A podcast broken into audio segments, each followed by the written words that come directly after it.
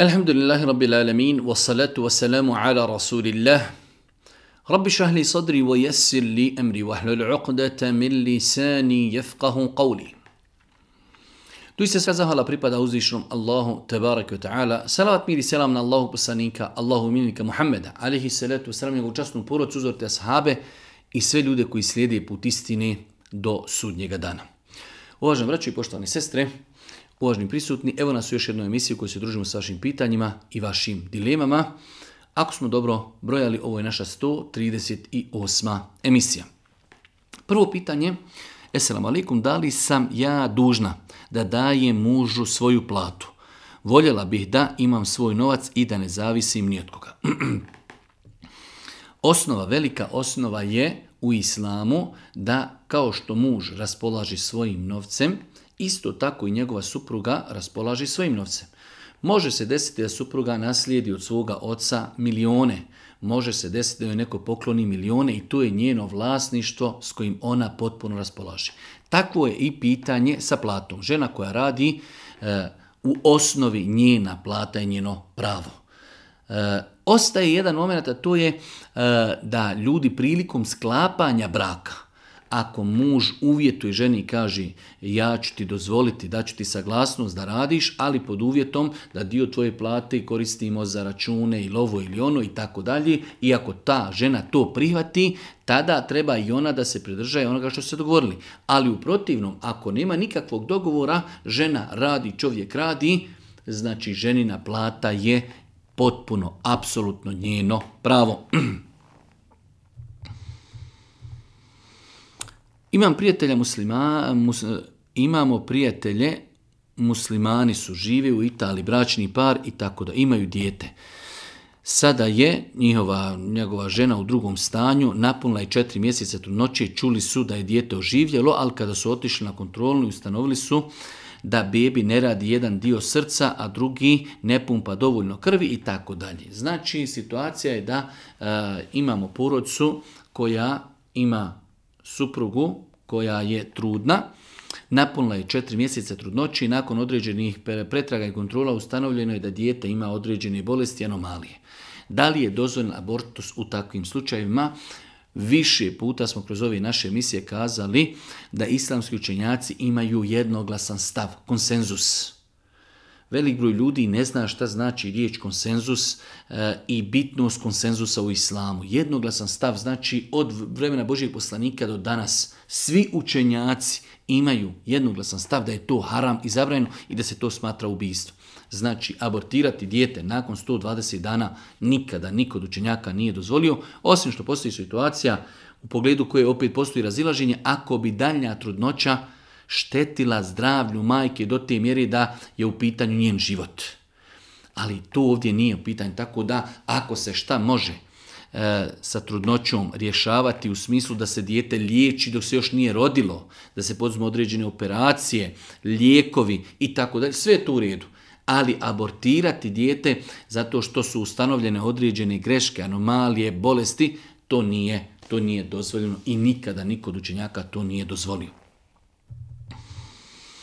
Moj babo je preselio iznenada. Prošli mjesec, hvala Allahu, bio je od onih koji su radili dobra djela, volio i pazio svoju porodcu. Mene zanima šta je to što mogu najbolje da uradim za njega. Da li se može posti dan arefata i nanijetiti za oca? E, kada u pitanju činjenje dobrih dijela za mrtve, možemo za njih doviti. To je najbolje dijelo koje možemo za njih uraditi. Možemo za njih udjeljivati sadaku, sadaku, za njih možemo obaviti hač i za njih možemo obaviti umru. To je nešto što je potvrđeno vjerodostojnim dokazima.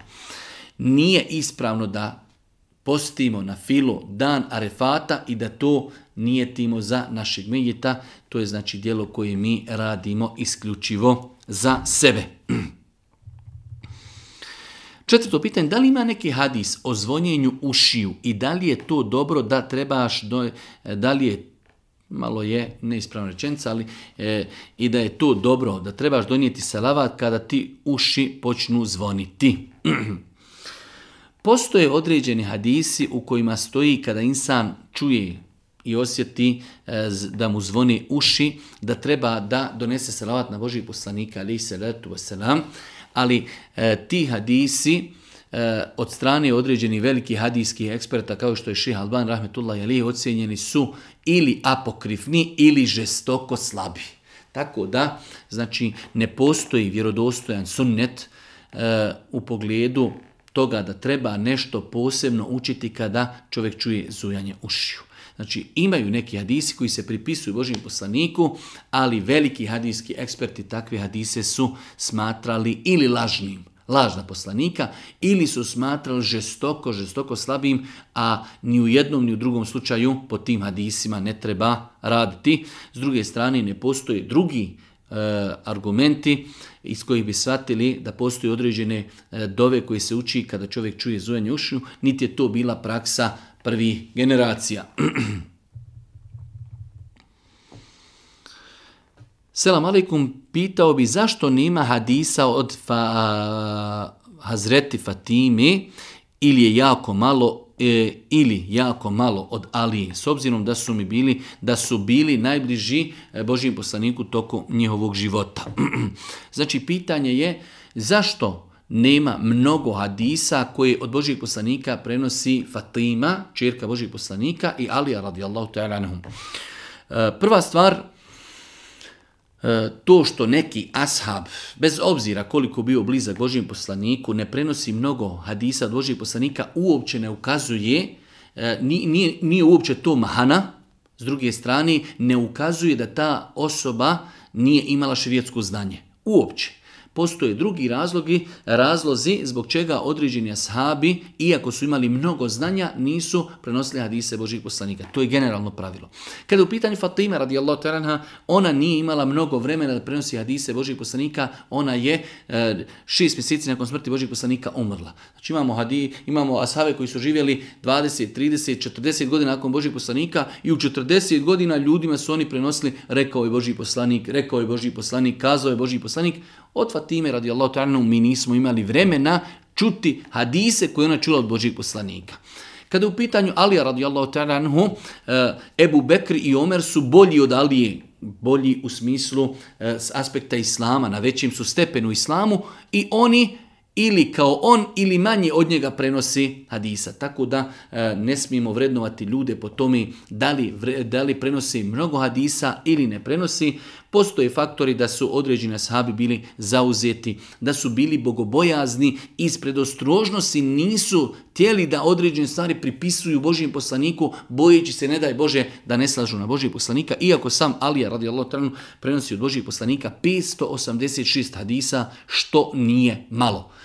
Znači, i Ebu Bekr, i Omer, i Alija radijalon tanhu su poznati da nisu mnogo prenosili hadise od Božih poslanika, ali se ratu sram, a Iša, a, a Fatima radijalon tanhu rekli smo da je a, e, neposredno nakon Božih poslanika, ali se nam umrla tako da nije imala vremena prenijeti hadise koje čula od Božih poslanika.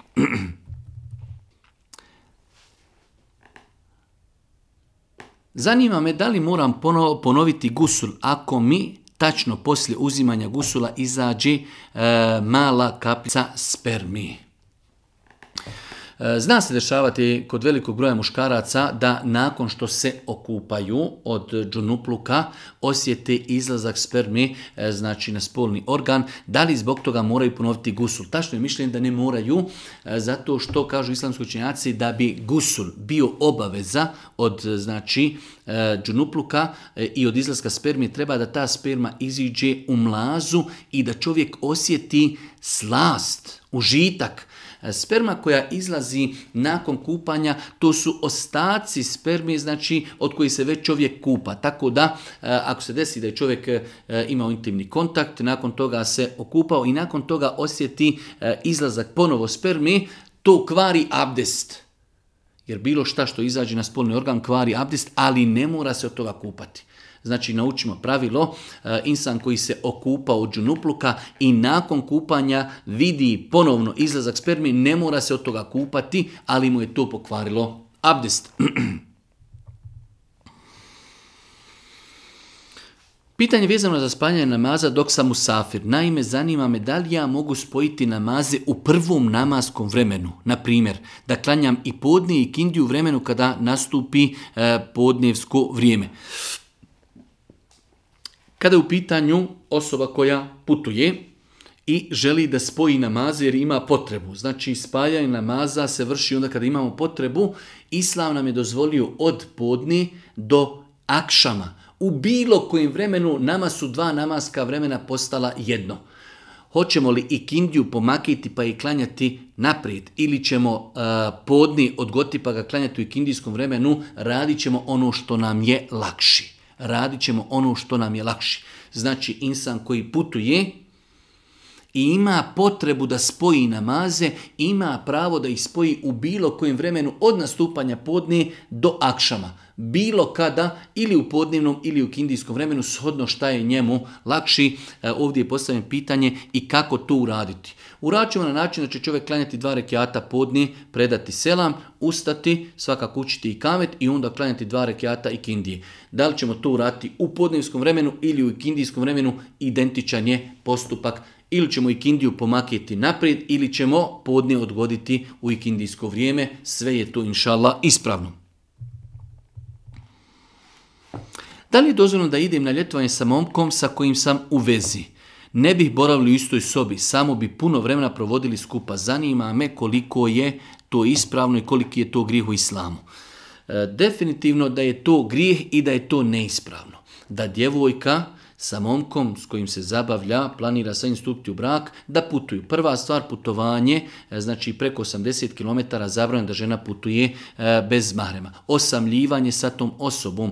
E, mi, iako kažemo da osobe imaju šerijatski opravdan razlog da se prije braka i vide i da sjednu i da razgovara da se upoznaju, ali je to sve u granicama. Ne smiju se osamljivati, ne smiju se dodirivati i u granicama potrebi. Ali putovati s nekim, ići na more, biti danima sa njim, e, osamljivati se, e, putovati, tu ima više spornih šerijatskih momenta tako da a, e, djevojka koja je pokrivena, djevojka koja se boji Allah s.w.t.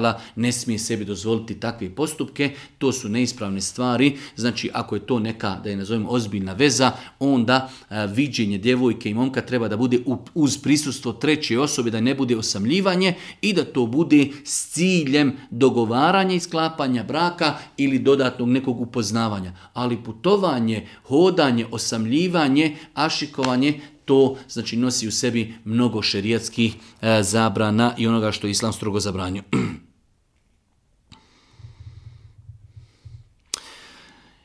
Imam trgovnu veleprodaju, imao sam mušteriju kojim je ostao 4000 maraka dužan, ostao i mnogim drugim firmama dužan, ja sam u dug koji imao prema meni halario nime zekijata, je li to ispravno? Je li ispravno da određenoj osobi koja je dužna nama određene dukove, to e, odbijemo na ime zekijata? apsolutno većinski dio islamskih učenjaka to nije dozvoljavao. Zekat kada se daje e, siromasima, daje se da ga oni posjeduju, da oni postanu njegovi vlasnici. Zato Allah Žešanu kaže u Kur'anu innama sadaqatu lil fuqara, lil. Ova ovdje harf l, lil fuqara, pripada sirotinji. Znači mora se njima dati u njihovo vlasništvo, da oni postanu vlasnici toga. Tako da, e, ako je neko nama dužan 4000 maraka, mi treba znači, e, da mu 4000 maraka zekijata damo. E sad, on nakon toga, ako želi, on će to nama vratiti, ako ima potrebu, on će to trošiti u nešto drugo. Ali, znači, e, nije dozvoljeno, po mišljenju većinskog dijela islamskog činjaka, da čovjek, E, neko mi otpiše dug na ime zekijata. Imam jedno pitanje, radim kao autolimar, lakirer. I stalo sam u bojama i lakoma koji štete mojim plućima. Preporučeno mi je da jedem slaninu zbog pluća, da li je to haram. Znači čovjek radi kao lakirer, svakako da kontakt sa farbama šteti čovjeku i njegovom zdravlju, pa mu je neko preporučio uh, znači da jede slaninu i da to kao liječi e, njegova pluća. Slanina je suha svinjetina dimljena svinjetina, svakako svinjetina je po Kur'anu i u sunnetu i konsenzusu islamskog činjaka zabranjen tako da bilo kakva tvrdnja da to je ljekovito, znači nije dovoljan razlog da čovjek to konzumira. E, čovjek ako zna da mu određena, određeni posao smeta, šteti, e, pokušat će se zaštititi, naći neke druge halal dozvoljene lijekove, ali liječiti se svinjetinom, onim što je zabranjeno, nije dozvoljeno.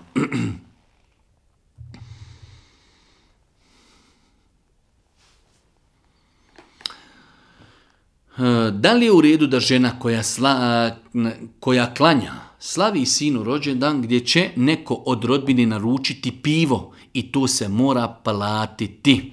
Hvala vam na izdvojenu vremenu. Mi smo više puta govorili kada je u pitanju rođendan, znači eh, teško je prerezati i kazati da je to haram. Svakako da vjernik i vjernica trebali bi to u životu da izbjegavaju. Kao sama pojava obilježavanja rođendana, teško je kazati da je to haram, ali isto tako e, treba to izbjegavati. Ali, sve se to odnosi na situaciju kada je obilježavanje tog rođendana dozvoljeno. Ali ako će neko doći i organizirati feštu na kojoj će biti alkohola, onda je to obilježavanje rođendana zabranjeno i ne treba prisustovati, niti kom je treba plaćati alkohol koji je neko naručio na nekoj fešti e, prilikom proslave rođendana. Tako da, prva stvar, savjetujemo izbjegavanje organiziranja rođendana. Ali ako to neko već i uradi, onda to mora biti na dozvoljen dopušten način gdje će biti muzike, gdje će biti alkohola, gdje će biti miješanje muškaraca i žena. Znači to, e, to, to je vezano i za e, bilo kakvo drugo okupljanje muslimana.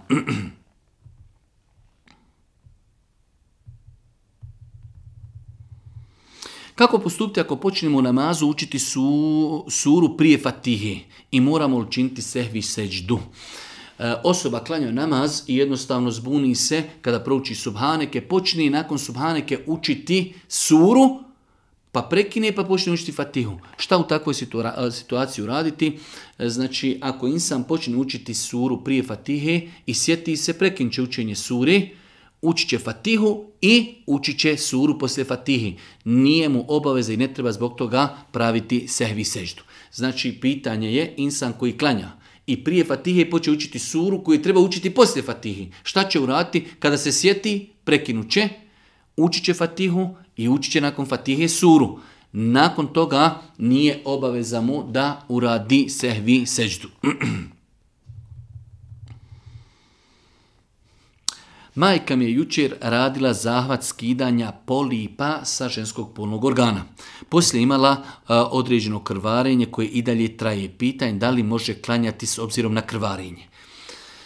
E, to je jedno od pitanja a, koje velik broj naših majki i sestara pogrešno razumiju. Razumiju da bilo koje krvarenje znači sprečava ženu da klanja nama što nije tačno jedino krvarenje hajza i nifasa posporodnog ciklusa sprečava namaz. Mimo toga krvarenje koje je nastalo kao plod, znači hiruškog zahvata, uklanjanje polipa, To je znači krvarenje koje nema nikakve veze sa hajzom niti nifasom. U takvoj situaciji žena mora klanjati, tako da znači shodno svojim mogućnostima zaštitit će se higijenskim uloškom, očistite će krv, zaštitit se higijenskim uloškom i uzeti abdest i klanjati i to kao vid obaveze. To je krv znači koja nije krv hajza niti krv nifasa, a samo krv hajza i nifasa sprečavaju, sprečavaju namaz. Da li sam griješna ako klanjam samo jacijske farze i vitre? Ako sam umorna i pospana? Apsolutno ne. Muslimane moramo učiti da je stroga obaveza da klanjaju farze. Shodno e, tome i nakon toga kada mogu, kada su raspoloženi, kada su, da kažemo, imaju, imaju snage i želje, neka klanjaju i sunnete. Ali nam je bitno da se uspostavi farz. Ovdje imamo situaciju kada je žena umorna, ne može, klanja farze, klanja vitr, elhamdulillah rabbil alemin, ispunila ono što je njen gospodar naredio, kada ne bude umorna, klanja će i sunnete. Tako da moramo ljude navikavati da je farz ono što je obaveza i ne smiju propustiti farz koliko god možemo usto dodati sunneta, to je dobro, ali je bitno da uspostavimo klanjanje farza u svome životu. Danas dok smo nosili dženazu, krv je pala na odjeću i obuću iz medjita pa bih vas pitao da li se poslije pranja i dalje može nositi ta odjeća. Znači ljudi su prilikom nošenja e, Megita jednostavno kako je došlo do toga, ali potekla je krv i znači e, došla je, dospjela je na odjeću osoba koje su nosile Megita. Da li takva odjeća se može naknadno oprati i koristi? Apsolutno da. Znači e, čovjek ako se desilo da je njegovu odjeću dotakao, dotakao bilo kakav neđaset, iako sada u toj krvi da li je neđaset ili nije, znači jedno posebno pitanje, ali evo, da kada bi rekli da je to neđaset, znači odjeća, da li je to košulje, da li su to hlače, da li je to cipele, znači ako se očisti od toga, i kako može da se koristi bez ikakve smetnje, e, znači ako je dozvoljeno, ako padne na našu odjeću izmet ili mokraća ljudska koja je nečista totalno i mi to očistimo i odjeća je čista, isto tako je i pitanje sa krvlju mejita.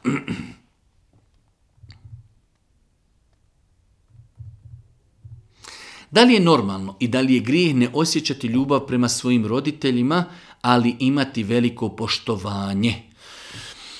E, da li je normalno? Ne mislim da je normalno, a da li je grijeh? Nije grijeh. Osnova je da djeca voli svoje roditelje, ali može se desiti zbog određenih tortura, e, opođenja, e, svađa, tuče, zlostavljanja, može se desiti da djete ne voli svoga rođenog roditelja. E, ne može čovjek kontrolisati ono što u njegovom srcu. Ljubav je u srcu, ali nama ostaje i dalje respekt, uvažavanje. Respekt i uvažavanje, to možemo kontrolisati. Ali ljubav u srcu ne možemo. Zato čovjek neće biti griješan. Neće biti griješan ako ne osjeća ljubav prema svom roditelju koji ga možda čitav život tukao, torturisao, matletirao, zlostavljao. Normalno da je prirodna i normalna pojava da ga ne voli ali ostaje, ostaje znači e, respekt, uvažavanje, to je nešto što možemo kontrolisati dok ljubav u srcu ne možemo kontrolisati i samim tim nećemo biti zbog toga griješni. Da li žena kada je sama i čita Kur'an, treba da stavi mahramu, ako može da mi odgovorite na to pitanje. Žena ako se nalazi u kući uči Kur'an, dozvoljeno je, dozvoljeno joj je da uči Kur'an bez nošenja mahrami. Ako stavi mahramu iz respekta prema Kur'anu, lijepo je postupila ali ne možemo smatrati čak da je pokuđeno da uči Kur'an bez mahrami. Znači, ženi je dozvan u kući, jednostavno e, nije obavez da u kući bude pokrivena, ženi je obavez da bude pokrivena kada izlazi napolje ili ako u kuću ulaze muškarci koji nisu mahrami. Ali ako žena živi u kući, nema niko ko nije od muškaraca koji ne smije vidjeti, može učiti Kur'an bez da nosi mahramu. Ako bi stavila mahramu iz respekta prema Kur'anu, ispravno je postupila, ali ako uči bez mahrami, nije napravila nikakav prekršaj.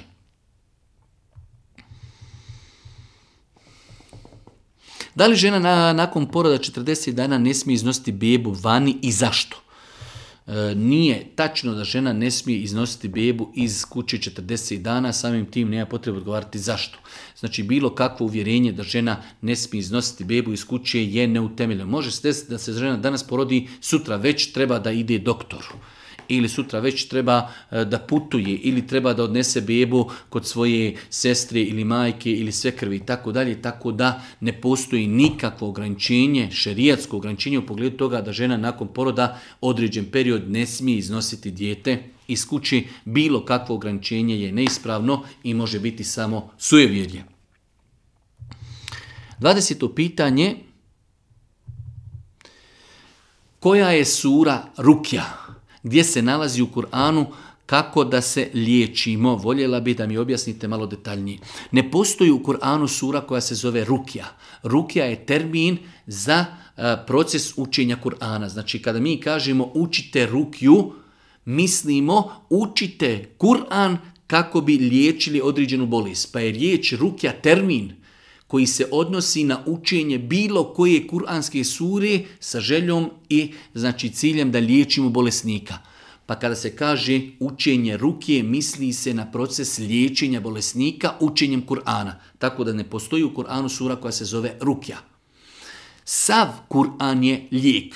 وَنُنَزِّلُ مِنَ الْقُرْآنِ مَا هُوَ شِفَ Mi u Kur'anu objavljujemo ono što je lijek i zdravlje za vas. U Kur'anu, znači cijeli Kur'an. Svakako određene sure kroz praksu pokazalo se da djelotvornije djeluju na bolesnike. Fatiha, eh, Bekara, eh, Ajetul Kursi, Kul Euzubi Rabbil Fele, Kul Euzubi Rabbil Nas, uh, uh, kulhu vallah, sve te stvari lijepo je učiti, ali bilo koja sura da se uči sa uvjerenjem da je Kur'an lijek, ako Bog da, to je ljekovito i ispravno.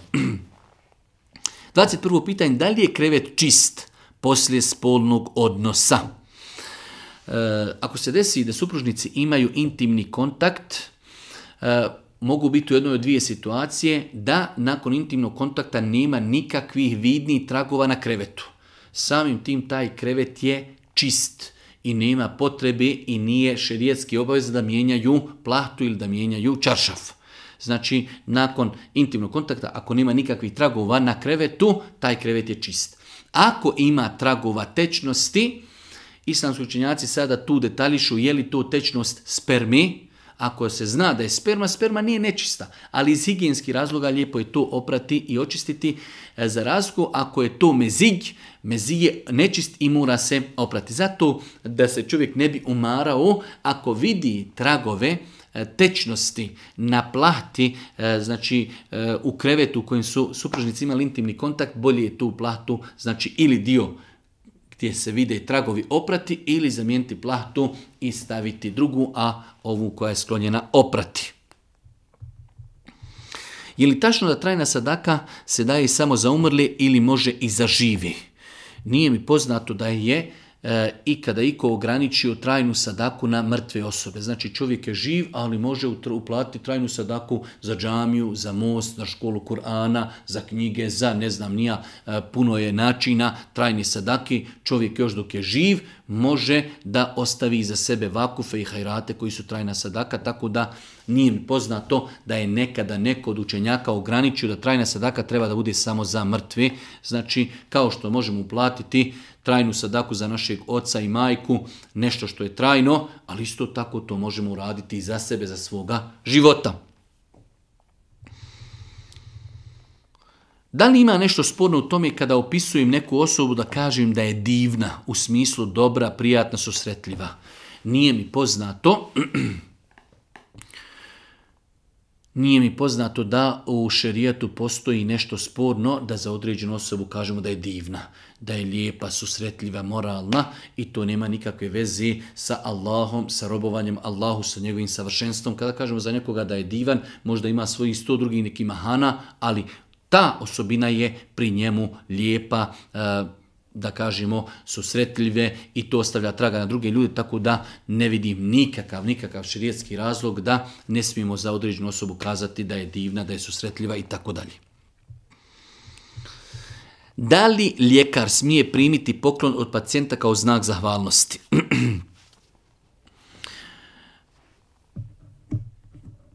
U osnovi nema smjetnje da pacijent doktoru da poklon. To je osnova. Ali isto tako, bolje je to od strane i doktora, ali i bolesnika izbjegavati. Zašto je bolje izbjegavati? Zato što to otvara vrata otvara vrata mitu, otvara vrata da sutra neko od doktora, ako mu neko nije donio poklon, da se prema njemu odnosi loše, a onome koji je dao poklon, da mu posećuje više vremena, više pažnje i tako dalje. E, svakako da ima doktora koji su čestiti, moralni, koji ne bi to radili, ali kažemo da to otvara vrata. Zato su učenjaci savremenog doba, od kojih je Ibn Baz i mnogi drugi, govorili da je prioritetnije da doktori ne uzimaju nikakve poklone, ako već imaju svoju platu za koju radi, ne trebaju uzimati poklone od pacijenata, ne da im je to haram, samo zato što bi to u budućnosti moglo otvoriti neka e, neispravna i nepoželjna vrata, kao da se ljudi stide otići doktoru ako nisu ponijeli poklon ili da doktor drugačije tretira one koji su dali poklon od onih koji nisu, tako dalje, tako da je bolje ta vrata otvoriti zatvarati. Znači doktor ne treba da očekuje, ako već ima svoju platu, ne treba da očekuje ili da direktno ili indirektno ljudima daje do znanja da od njih očekuje neke poklone, a i pacijenti, bez obzira što je prema njima doktor bio fair i korektan i susretljiv, ako znaju da doktor ima svoju platu, mogu mu se lijepo zahvaliti, mogu reći vidimo, cijenimo, poštujemo, mogu dovu za njega uputiti, ali davati poklena bolje je izbjegavati od strani pacijenata, a od strane doktora izbjegavati to uzimanje. Pitanje od jedne naše posjetiteljke, nemuslimanke, zbog čega muslimani oslovljavaju pravoslavnu vjeru kao nevjerničku? Smatram da ne treba nikoga dijeliti po vjeri, nego po tome kakav je čovjek. Ako vjeruje u Boga, Allaha, samo drugačiji naziv, on je čovjek i ide pravim putem E, ka spasenju. I duži je Emir, e, jedno, e, da kažemo, interesantno pitanje. Nama je drago da nam se nemuslimani javi, da pitaju, da traži pojašnjenje. Nije tačno da muslimani zovu pravoslavce nevjernicima, već je tačno da ih uzvišeni Allah u Kur'anu naziva nevjernicima. Allah Žešanu kaže u Kur'anu inne dine inda Allahi el islam. Kod Allaha jedina privatljiva vjera je islam. ومن يبتغي غير الاسلام دينا فلن يقبل منه وهو في الاخره من الخاسرين onaj ko bude želio neku drugu vjeru mimo islama neće mu biti primljeno i on će biti znači gubitnik i nastradaće na budućem svijetu Allah je našan u Kur'anu jasno kaže لَقَدْ كَفَرَ الَّذِينَ قَالُوا إِنَّ اللَّهَ ثَالِثُ ثَلَاثَ Doista su nevjernici oni koji kažu Allah jedan od troje pa je znači Allah taj koji je ljude e, znači sve mimo muslimana nazvao nevjernicima. Mi smo o tom više puta govorili, e, nije uvreda da muslimani za nekoga kažu da je nevjernik. Muslimani time misli on ne vjeruju onako kako mu je naređeno u islamu muslimani imaju uvjerenje da je jedina vjera kod Allaha ispravna islam. Da je dolaskom Muhammeda alaihi salatu wasalam derogirane su sve prijethodne vjere, sve prijethodne objave. Da li će neko to prihvatiti ili ne, to je njegovo pravo. U islam se ne nagone ljudi nasilu. Boži poslanik je kazao, neće se, znači neće čuti za mene, za Muhammed a.s. niti jedan kršćanin, niti jedan židov i ne primiti islam, a da neće biti vječno u vatri. Znači, kogod čuje za Mohameda ili Seletu, selam, da je došao sa Islamom, da je došao sa Kur'anom i ne povjeruje u njega, on će po islamskom vjerovanju biti vječno u vatri. Tako da a, mi ostavljamo ljudima pravo, mogućnost da odaberu šta će biti, ali ne smatramo uvredom da kažemo ljudima da su nevjernici onako kako Islam od njih traži. Kazati za nekoga da je nevjernik nije uvreda, s druge strane, to ne znači da smo za njega rekli da ništa ne vjeruje. Kurešije, koji su robovali kipovima za vrijeme kada je došao Muhammed Ali Selam, oni su, kao što kaže Kuran, kada bi ih pitao ko je stvorio zemlju i nebesa, rekli bi Allah. Znači oni su vjerovali u Boga, vjerovali su da postoji Bog, ali su mu pogrešno robovali. Tako da, znači, nije uvreda ne, za nekoga kazati da je nevjernik i ako kažemo za nekog nevjernik, ne znači da ne vjeruje u Boga ali znači da bi neko bio vjernik po islamskom vjerovanju, da se za njega kaže vjernik, treba da vjeruje u islam, u Muhammeda ali selam i da vjeruje u Kur'an. Nadam se inšala da smo uh, uspjeli dati odgovor na ovu dilemu. Zaklijela sam se nešto u šta sam u svojoj glavi bila sigurna da je tačno ispravno. Međutim, ispostalo se da nije tačno. Da li trebam se iskupiti? Znači, e, desi se situacija da se ljudi za nešto zakunu, ubijeđeni su da je to tačno. Ispostavi se poslije da to nije tačno. Da li e, to znači da treba da se iskupe? Ne. Islamski učenjaci, Džumur učenjaka je kazao da u ovakvim slučajima čovjek ne treba da se iskupljuje ako se zakleo za nešto uvjeren da je to tačno i da je tako, a ispostavilo se da to nije tako, da je pogriješio, takva, takva eh, zakljetva se smatrala kao eh, legul jemin, znači jednostavno nenamjerna zakljetva i samim time smatralo se eh, od strane učenjaka, džumhura učenjaka, da nema potrebe da se čovjek iskupljuje zato što je se ustanovilo da je se on pogrešno zakljao. Ali on u početku bio uvjerenja da je to tako. 27. pitanje, babo mi preselio prije 15. dana, da li sada za Bajram valja da obilazim rodbinu ili ne? Znači u pitanju je dijete, čerka ili sin, preselio je otac prije 15 dana, da li čovjek e, treba iz znači respekta i žalosti prema ocu nakon 15 dana da ne obilazi svoju rodbinu, a dolazi nam Bajram. Nema nikakve veze e, obilazak rodbine sa žalošću za ocem. Otac se preselio prije 15 dana, Bajram dolazi, lijepo i pohvalno čovjek obiže rodbinu prijatelje poznanike, tako da to nikako ne ukazuje da čovjek ne respektuje svoga babu, da ga ne poštuje, ali znači 15 dana je prošlo od smrti, e, obilazak rodbine i prijatelja, pogotovo povodom Bajrama je pohvalan lijep, tako da to uopće nije u koliziji sa znači time što čovjek osjeti u srcu od žalosti za svojim ocem. Htjela sam da pitam je li u redu da se pravi zajednička dova za putnike hađije. Allah vas nagradio. Nije mi poznato da postoji u e, sunetu Božih poslanika dokaz na osnovu koji bi mogli kazati da je praksa koja je prisutna kod nas utemeljena. Eh, okupljanje ljudi, čak šta više eh, kao vid obavezi, to je toliko otišlo daleko da ljudi znači bukvalno ne mogu zamisliti da neko ode na hač, a da mu se nije napravila eh, ikrardova, ceremonija i tako dalje. Tako da smatram da vjernik treba to izbjegavati. Vjernik treba to izbjegavati. Nije to bila praksa Božih poslanika, pogotovo onako kako se danas kod nas radi da je to došlo na level, da je to obaveza, da se ne može otići na hač bez toga. Znači da čovjek dođe e, da određenu osobu isprati, da prouči za njega dom, kaže molim Allah da ti olakša odlazak, da, te, da ti u Kabuli hač, to je u redu. Ali praviti ceremonije, praviti mevlude, e, praviti okupljanja obavezujuća, to je nešto što nije potvrđeno sunnetom i praksom Božih poslanika, niti praksom prvih generacija.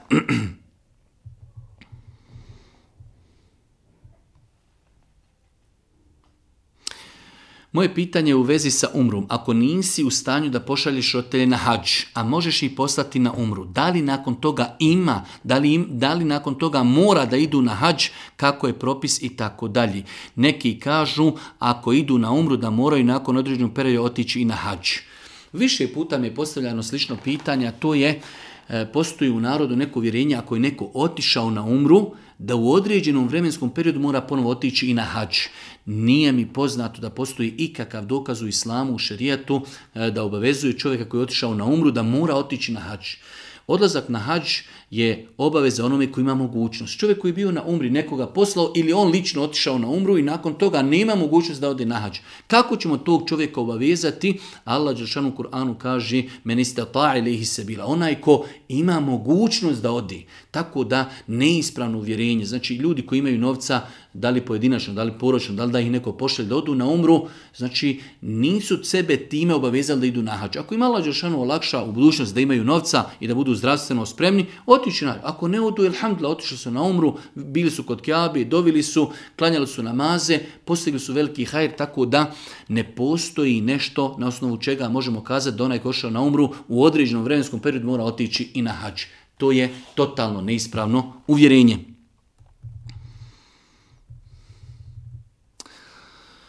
Evo mene opet sa pitanjem, živim sa ženom koja je muslimanka, vjeruje u Allaha i sve je to dobro, ali njeni rote su rekli da poslije spolnog odnosa mora prskati šerbet po krevetu i po mjestima gdje smo šetali, jel, tak, jel kao ako pršće sa tim džini neće ući u nas, jel to tačno?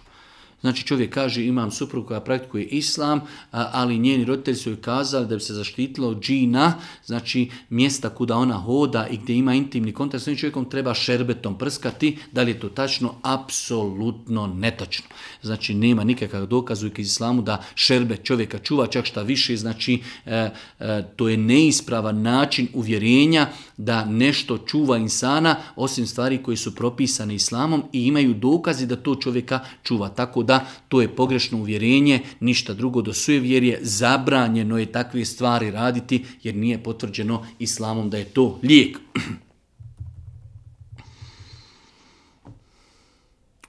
Hoću da pitam za sunnet, za djecu. Kada se djeca sunneti, da li je obavezno proučiti neku dovu? Iako jeste, koju? Uh, nije mi poznato da postoji posebna određena dova koja se uči e, kada se dijete sunneti. E, znači sunnećenje djeteta je zaseban ibadet koji je u datom momentu i fizički, znači jednostavno uklanjanje e, određenog dijela kožice sa spolnog organa djeteta, to je nama naređeno i to je ibadet. badet ali ne postoji nikakva posebna dova koja se prakticira po, povodom toga, e, nema smetnje da se ljudi povodom toga okupe, da kažu, evo, alhamdulillah, mašala, vi ste to uradili, da vam Allah Đelšanu u Kabuli, e, da dijete poživi i tako dalje, ali organizirati se, praviti posebne mevlude, praviti posebne dove, učiti posebne dove, ne postoji posebne dove, niti posebne ceremonije. Zato, ako bi čovjek povodom toga e, okupio prijatelje poznanike na neki ručak, To, ako Bog da, nije sporno. Molim vas, ako možete da mi pojasnite, da li se svaki sunnet klanja prije farza ili ne?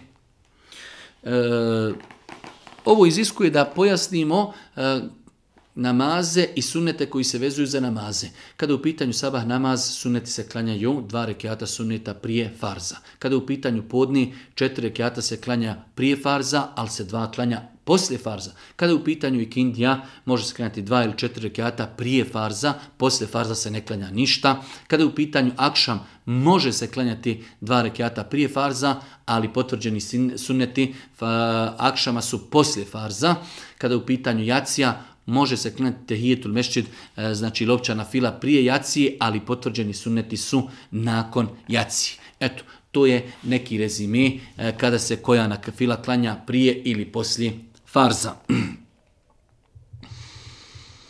Za goveđe meso znam da je haram ukoliko nije zaklano ime Allaha, bismillom. Zanima me kakav je propis za pileće košije meso. Isti, identičan propis, islam je napravio samo izuzetak za ribu ili, e, da kažemo, životinje iz mora, pošto jednostavno e, sama ta struktura e, krvi i mesa je totalno drugačija od mesa životinja koje žive znači, na kopnu. Tako da, bilo koja jestiva životinja, da li u pitanju krava, koza, ovca, pa i konj, znači ili kokoš, e, zec, sve što se e, znači e, je jestivo da bi bilo halal treba zaklati kad su u pitanju životinje koje su koje žive na kopnu, znači ne postoji razlika u pogledu propisa krava, ovca, koza, konj, deva, pa i znači piletina da bi to bilo halal mora se zaklati po propisima islama bismiletom. Ako imam poteškoću prilikom ustajanja sa sežde na drugi rekiat, da li mogu da se potpomognim tipa da se pridržim za stolicu, krevet ili slično, ili u tom slučaju moram klanjati sjedeći? E, insan koji ima potrebu kada ustaje da se za nešto pridrži i ustane, uh, E, nemamo razloga da takoj osobi kažemo moraš klanjati sjedeći. Svakako da nema smetnje da čovjek ako klanja pored neke stolice, pored nekog kreveta, da se malo pridrži i da ustane i ako tako može klanjati, svakako da treba da klanja stojeći bez obzira što se malo potpomogao, ne da u takvoj situaciji kažemo moraš klanjati kao što je došlo u pitanju, znači nima nikakve smetnje da se čovjek uz nešto pripomogne, odgurni da bi ustao, znači, e, na drugi rekiat, na kijam. Molim uzvišenog Allah subhanahu wa ta'ala da nam podari korisno znanje. Molim ga subhanahu wa ta'ala da nam bude milostiv na sudnjem danu. I na kraju subhanake Allahumma wa bihamdike. Ešhedu en la ilaha illa ente astaghfiruke wa etubu ilik. Oh, oh, oh.